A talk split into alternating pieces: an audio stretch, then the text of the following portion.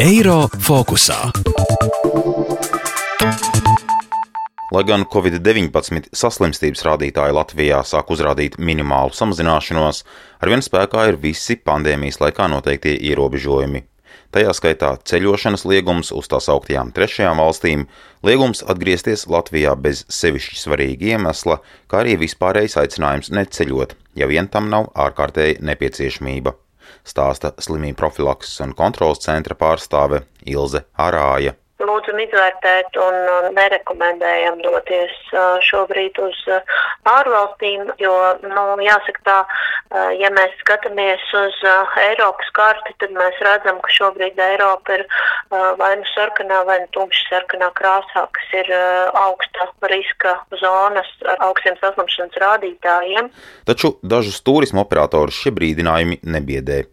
Gaidot Latvijas atbildīgo institūciju atļauju tiešiem lidojumiem no Rīgas uz valstīm ārpus Schengenes zonas, piedāvājam drošus kompleksos čarteru ceļojumus no Tallinas un Viļņas lidostām jau februārī. Ar tādu reklāmas uzsaukumu nocietušos ceļotāju gribētājus uzrunā pāris turismu kompāniju. Piemēram, firma S-Travel piedāvā atpūtu Tenerifē, Hurgadā, Maldivās un citos kurortos. Varianti ir no Viļņas, no Rīgas vēl nav. No Rīgas būs tikai martā. Kad ir kaut kādas tuvākās iespējas un kā tas ir nokārtojams? Jūs droši varat rakstīt mums uz e-pastus, bet eh, es varu iemest ātri ātri sistēmā, paskatīties, kas ar vietām notiekās. Paskatīsim, kas notiek ar vietām, jo Tenerife viņiem trīs reizes nedēļā bija. Ceļojums vienam cilvēkam izmaksā no kādiem 400 eiro, bet operatore uzreiz pabrīdina, ka pašam būs jāuzņemas atbildība par visu drošības pasākumu ievērošanu, iespējams saslimšanas sekām, ap 100 eiro izmaksām, veicot covid testu pirms atpakaļceļa. Līdzīgus ceļojumus, bet pagaidām no Igaunijas un Lietuvas piedāvā viena no lielākajām turismu kompānijām Novatūras. Tās vadītājs Leonīds Močeņovs uzreiz noteica, ka no Latvijas nekur nelido ja mēs varam salīdzināt ja, ar uh, Lietuvas un Igaunijas, principā tur pieprasījums diezgan liels un aktīvs. Pieprasījums ir, no nu, pagaidām viņš, viņš diezgan tāds īpaši liels, tikai pašs sākums. Bet no Lietuvas, Igaunijas ir jau kādi pirmie jau ceļojumi jau? Jā, jā, jau sākas gan uz Tenerife, gan uz Eģipte. Un tad mūsu iedzīvotājs vispirms aizdodas, aizbrauc uz Lietuvu, Igauniju un tad sēž lidmašīnās, ja? Jā, tieši tā. Kompānijas vadītājs kritizē valsts institūciju prasības un noraidošo attieksmi pret ceļošanu pandēmijas laikā, bet atzīst, ka liela daļa kurortu kārotāju ir arī no mūsu valsts.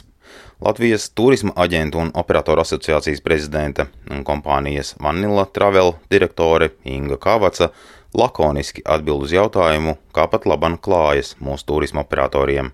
Paldies, slikti! Nu, kā, nu, mūsu darbība ir aizliegta, varētu teikt, un apturēta. Nu, jau būs gads, tūlīt 12. martā. 12 mēnešus bez darba izturēt ir diezgan grūti. Kas ir noticis ar nozares uzņēmumiem? Viņi ir iekapsulējušies miegā vai likvidējušies arī daļa? Nē, nelikvidējušies. Ir iekapsulējušies, jo valstī ir daži atbalsta mehānismi tā, ka būtu kādu likvidāciju, tā nav vēl dzirdēta. Kavaca skaidro, ka vēlme ceļot cilvēkos ir izteikta, taču pašlaik to īstenot ir būtiski dārgāk un riskantāk, jo testi maksā naudu, daļa baidās saslimt, turklāt pēc atgriešanās obligāti jāievēro pašizolācija. Tādējādi atļauties ceļot tagad varot tikai desmitā daļa no tiem, kas ceļoja pirms pandēmijas. Savukārt grupām organizēti ceļojumi nozares vērtējumā pašlaik uzskatāmi par atsevišķiem gadījumiem. Vērojams, ka atpūtu Latvijā ar nakšņošanu it kā vienas maisaimniecības ietvaros arvien vairāk piedāvā arī vietējās viesnīcas, spā centri un mūžas. Edgars Kupčs, Latvijas radio. Eiro fokusā.